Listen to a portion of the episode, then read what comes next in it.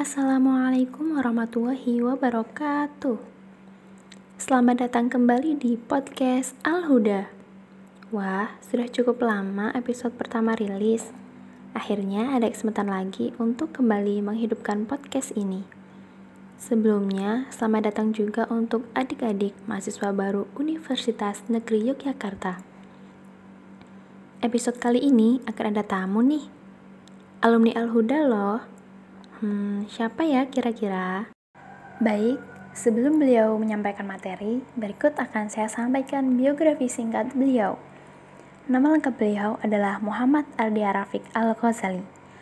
Beliau kuliah S1 di Universitas Negeri Yogyakarta bidang studi pendidikan bahasa Inggris tahun 2012.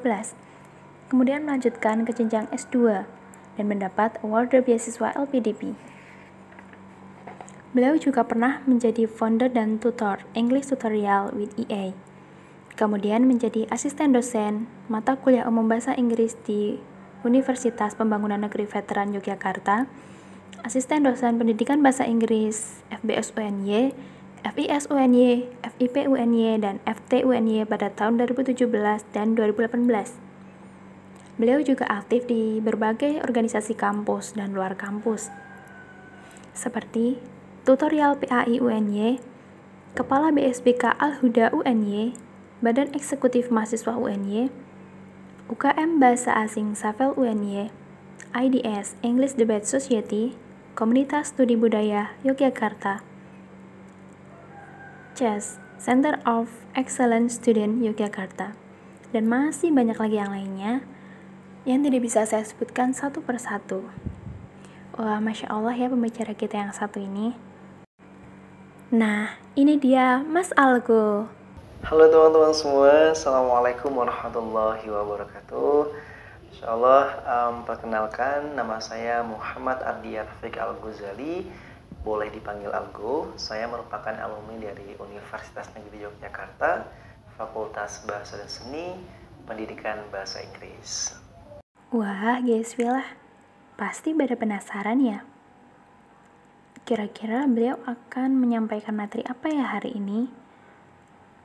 Hmm, apakah beliau akan menyampaikan materi bahasa Inggris ataukah yang lainnya? Oke, okay, oke. Okay. Daripada kita semua penasaran dan sibuk menduga-duga, langsung saja ya, guys Villa. Sim salabim jadi apa? Prok prok prok. eh tunggu tunggu tunggu. Bukan itu ya guys Villa. Mari kita sambut bersama pembicara kita yang insya Allah kece abis. Mas Algo, kepada beliau saya persilahkan. Bismillah, pada kesempatan kali ini topik yang akan kita bahas insya Allah cukup menarik ya, yaitu berkaitan dengan satu penyakit yang sering kali menjangkiti para aktivis dakwah. Loh, penyakit apa itu? Nah, nanti bisa kita temui jawabannya ya. Sekarang kita berangkat dari pemahaman bahwa dalam hidup kita itu kita pasti akan banyak menemui berbagai macam jalan. Kadang kita merasa hidup kita tuh datar-datar, kadang ada menurunnya, kadang ada meningginya, ah, ada tantangan atau rintangan yang perlu kita hadapi gitu ya. Begitu pula dalam perjalanan dakwah kita sebagai aktivis dakwah. Ada saatnya kita itu ketemu dengan jalan yang enak ya, yang mudah, lurus, nyaman, tapi tidak jarang juga kita menjumpai semacam onak dan durinya. Nah, kita satu saat kita mungkin bisa menjadi orang yang punya kondisi iman yang sangat tinggi, tapi di saat yang lain kita bisa saja mengalami semacam degradasi iman. Nah, dalam kondisi iman yang menurun itulah kadang eh, kita bisa mudah terkena penyakit ya yang membahayakan diri kita sebagai aktivis dakwah plus otomatis membahayakan kelangsungan gerak langkah dakwah kita. Yaitu penyakit apa? Ya, penyakit fu, futur atau kelesuan. Nah, teman-teman semua, futur itu berarti putusnya kegiatan setelah kontinu bergerak atau diam setelah bergerak, atau malas, atau lamban, atau santai setelah kita bersungguh-sungguh. Nah, tapi menariknya adalah terjadinya futur atau fenomena futur ini yang terjadi pada aktivis dakwah sebetulnya merupakan hal yang sangat wajar banget. Semua semua dari kita pasti pernah merasakan itu. Asal, asalkan ia tidak mengakibatkan kita lepas dari roda dakwahnya. Ya kita paham hanya malaikat lah ya, hanya malaikat yang paling mampu kontinu beribadah dan mengabdi kepada Allah dengan kualitas yang terbaik. Kalau kata Allah dalam Al-Anbiya ayat 19 sampai 20 dan kepunyaannya lah segala apa yang di langit dan di bumi dan malaikat-malaikat yang di sisinya. Mereka tiada mempunyai rasa angkuh untuk menyembah Allah dan tidak pula merasa letih dan mereka senantiasa bertasbih malam dan siang tiada hentinya. Beda jauh sama kita ya. Para malaikat tuh siang dan malam mereka bertasbih. Kalau kita mungkin cuma malamnya aja atau mungkin siangnya aja atau mungkin malah nggak keduanya gitu ya. Sehari kita nggak bertasbih sama sekali ya. Nah, itu uh, kita lah manusia ya. Nah pertanyaan sekarang adalah sebetulnya apa sih yang menyebabkan adanya futur ya?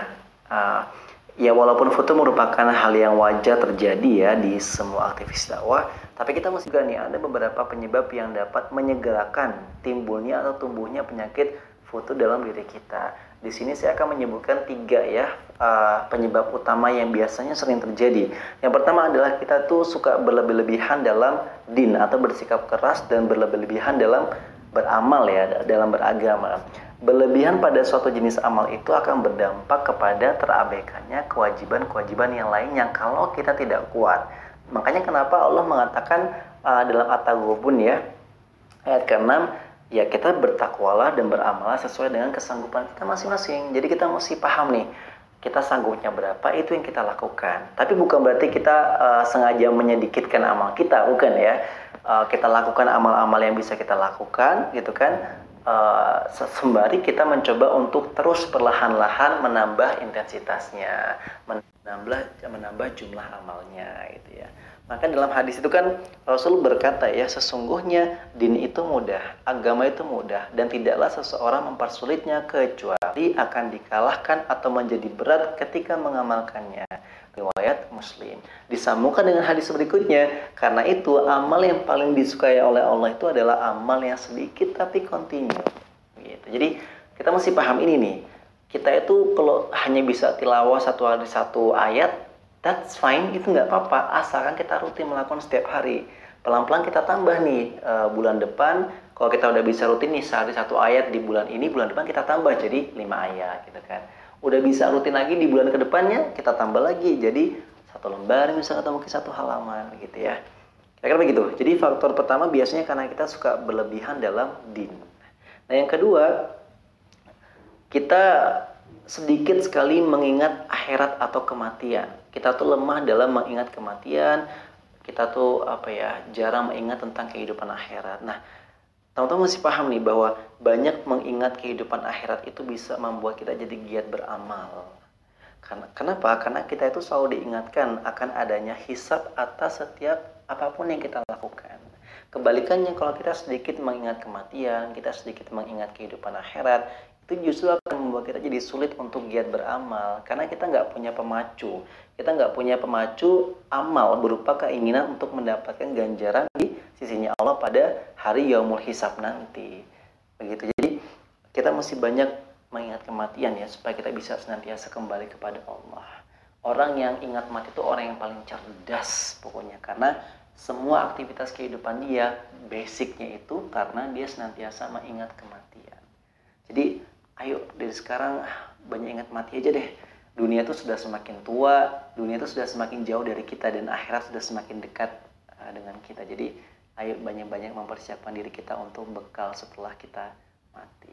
Nah faktor yang ketiga adalah memisahkan diri dari jamaah. Nah, ini bagi teman-teman yang masih suka mengedepankan hidup menyendiri gitu kan dan berlepas dari jamaah atau organisasi dakwahnya aduh ayo segera kembali kepada jamaah ya. Karena kata Nabi Muhammad setan itu akan menerkam manusia yang suka menyendiri seperti serigala menerkam domba yang terpisah dari kawanannya. Hadis riwayat Ahmad. Jadi kalau setan itu sudah menerkam kita sudah masuk ke dalam hati kita maka nggak sungkan hati kita tuh akan melahirkan prasangka-prasangka yang enggak-enggak tentang organisasi dakwahnya tentang jamaah dakwahnya gitu ya. Kalau uh, fenomena ini berlanjut ini bisa menyebabkan hilangnya sikap sikoh atau percaya kita kepada jamaah yang di mana kita bernaung sebelumnya. makanya harus senantiasa apa ya memastikan diri kita tuh punya kontak ya keep in touch dengan jamaah dakwah di mana kita berdakwah dengan amanah dakwahnya kalau mungkin di di FBS ini mungkin dengan teman-teman di Al-Huda ya yang memang basicnya adalah lembaga dakwah kampus begitu kalau katanya Imam Ali sekeruh-keruh hidup berjamaah itu lebih baik dari bergemingnya hidup sendirian gitu ya jadi lebih asik kita tuh punya banyak tantangan hidup, tapi kita berjamaah daripada kita sendirian gitu kan menikmati kenikmatan hidup kita cuma sendirian gitu kan. Lebih asiknya kita punya tantangan tapi kita bersama-sama. Itu akan menguatkan kita. Oke, itu tiga penyebab yang biasanya ini ya terjadi pada aktivis dakwah yang kemudian mempercepat timbulnya atau munculnya penyakit futur. Nah sekarang kalau misalkan kita uh, tahu ada penyebabnya nih gitu kan, dari penyakit ini otomatis kita kan butuh obat ya untuk mengobati nih kalau kita barangkali udah terserang atau terjangkit dengan penyakit futur ini. Nah, apa aja sih obat yang bisa kita uh, minum ya atau kita konsumsi? Nah, di sini saya akan menyebutkan beberapa ya. Yang pertama, jauhi maksiat. Itu ya, jauhi maksiat. Kenapa? Karena maksiat itu akan mendatangkan kemungkaran Allah ya uh, Allah akan marah uh, dengan kita ya Allah akan ya ya pada akhirnya ya mungkin hilang keberkahan hidup kita gitu kan karena kemaksiatan yang kita lakukan dan pada akhirnya bisa jadi membawa kepada kesesatan.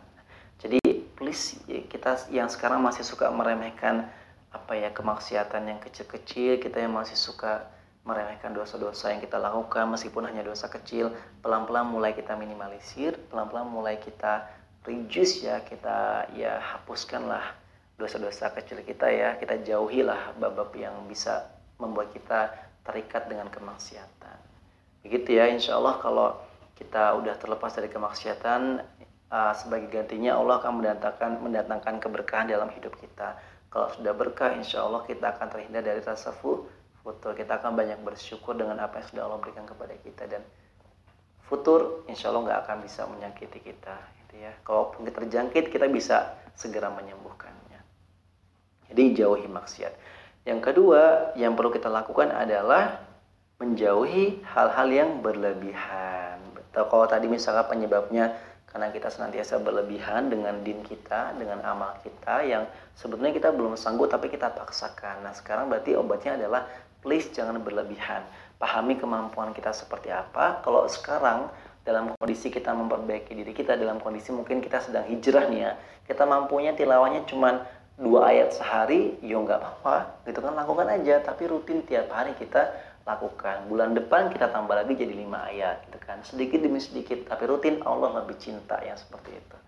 Oke, kita mungkin belum sanggup nih kayak misalkan duha setiap hari, kita mungkin sanggupnya baru seminggu, dua kali deh tiap hari apa gitu kan that's fine nggak apa-apa kita lakukan aja rutin kan seminggu dua kali kita duha gitu kan nanti ditambah lagi uh, bulan depannya seminggu jadi tiga kali tambah lagi seminggu jadi empat kali. Sampai nanti kita bisa benar-benar tiap hari duha itu luar biasa dahsyatnya. Berawal dari yang sederhana dulu intensitasnya. Begitu ya? Oke jadi ayo jauhi yang hal-hal sifatnya berlebihan ya.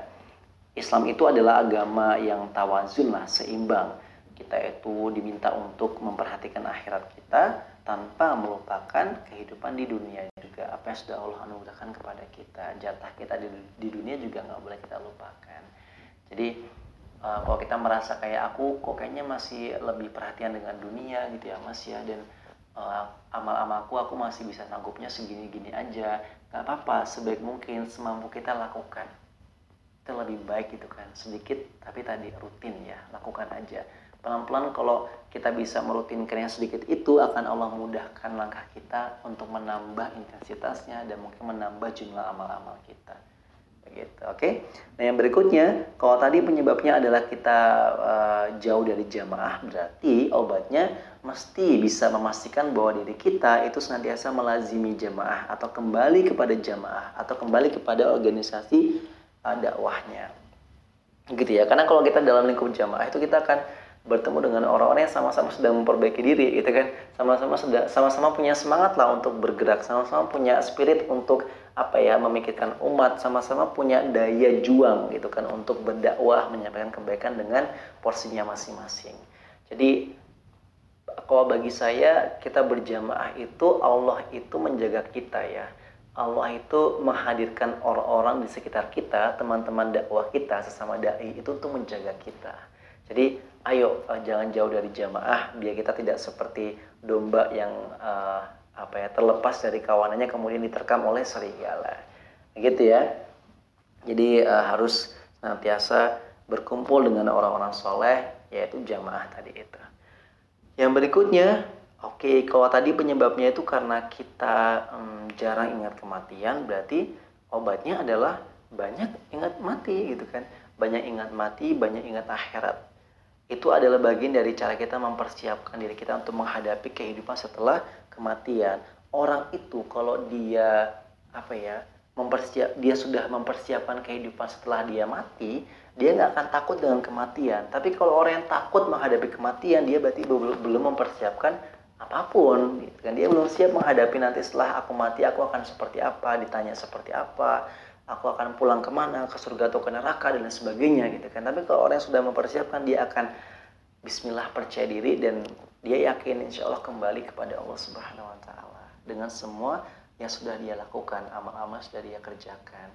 Begitu. Jadi ayo banyak ingat kematian supaya kita bisa apa ya termotivasi untuk kembali lagi kepada Allah. Misalkan hari ini kita udah melakukan dosa-dosa kecil barangkali ya beristighfar kemudian disambung dengan ingat mati supaya hatinya menjadi lebih lembut dan kita bisa punya semangat yang baru di esok harinya untuk beramal lagi gitu kan. Kebaikan-kebaikannya lebih banyak lagi insya Allah begitu ya eh, teman-teman semua. Nah itu mungkin yang bisa saya sampaikan ya. Jadi futur adalah penyakit yang pasti ya menjangkiti semua aktivis dakwah. Uh, itu menariknya di situ ya.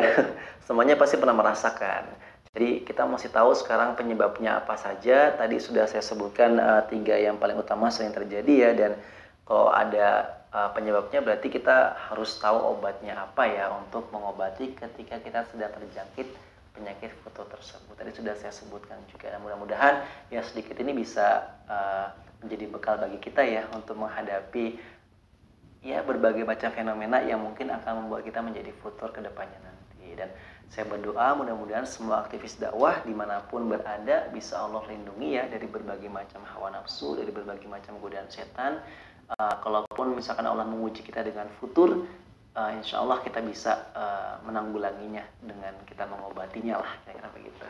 Dan untuk aktivis dakwah yang ada di Fakultas Bahasa dan Seni, di FBS, di Al-Huda, semoga semakin semangat dan semakin apa ya bisa saling menjaga terus ya teman-temannya. Oke, dan senantiasa dalam lindungannya Allah Subhanahu Terima kasih, itu yang bisa saya sampaikan. Uh, mohon maaf kalau uh, banyak kesalahan ya. Mudah-mudahan sedikit ini bisa justru memotivasi teman-teman untuk menggali ilmu yang lebih dahsyat dan lebih dalam lagi kepada guru-guru kita yang lainnya. Amin. Allahu a'lam. Wassalamualaikum warahmatullahi wabarakatuh.